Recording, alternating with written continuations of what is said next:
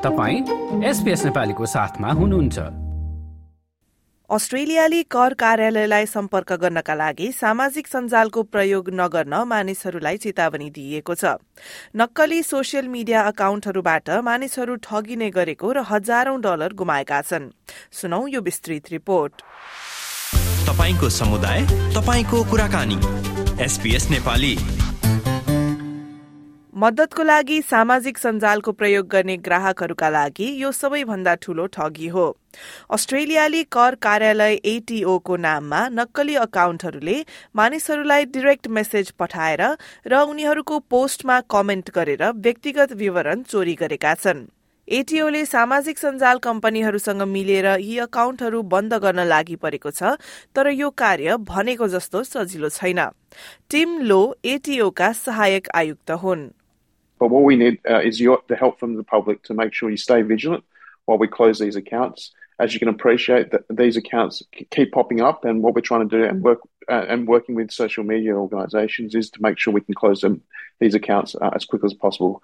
One tip I have for, for people if they're unsure of the interaction with the um, with that particular uh, social media account is to check out the ATO's website uh, www.ato.gov.au forward slash scams. लो भन्छन् कि मानिसहरूले मद्दत माग्दै सामाजिक सञ्जालमा post गर्दा ती नक्कली अकाउन्टहरूले उनीहरूलाई सम्पर्क गरेर मद्दत गर्ने प्रस्ताव गर्छन्।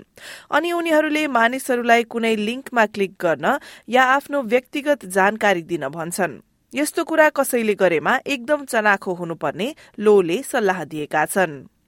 What we're saying to people uh, engaging um, with these uh, accounts on social media is this The agent will never ask for your personal information over social media.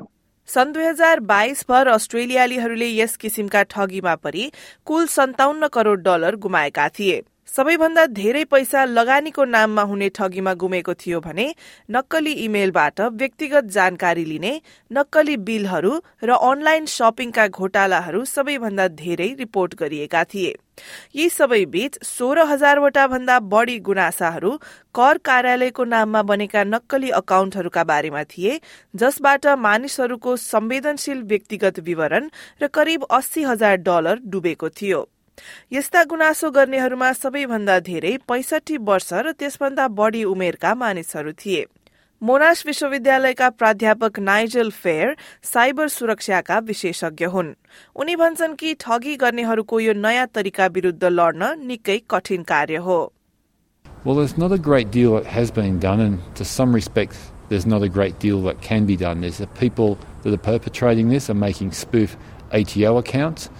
That's also exacerbated by the fact that there's ATO employees that have their own social media accounts which are public and uh, state their employment. So the criminals are leveraging off that degree um, of legitimacy.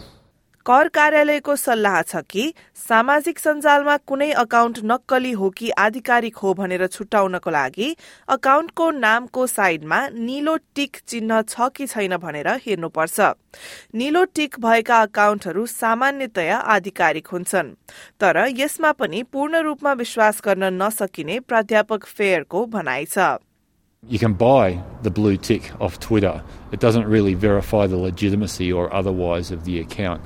I think people, when they look at government accounts, they need to look at the URL involved. They need to see where it revolves back to. They need to start thinking of other ways to interact with government agencies. And likewise, government agencies need to think about the ways they communicate with consumers. र सधैँ सामाजिक सञ्जाल प्रयोगकर्ताहरूलाई सतर्क रहन आग्रह गरिएको छ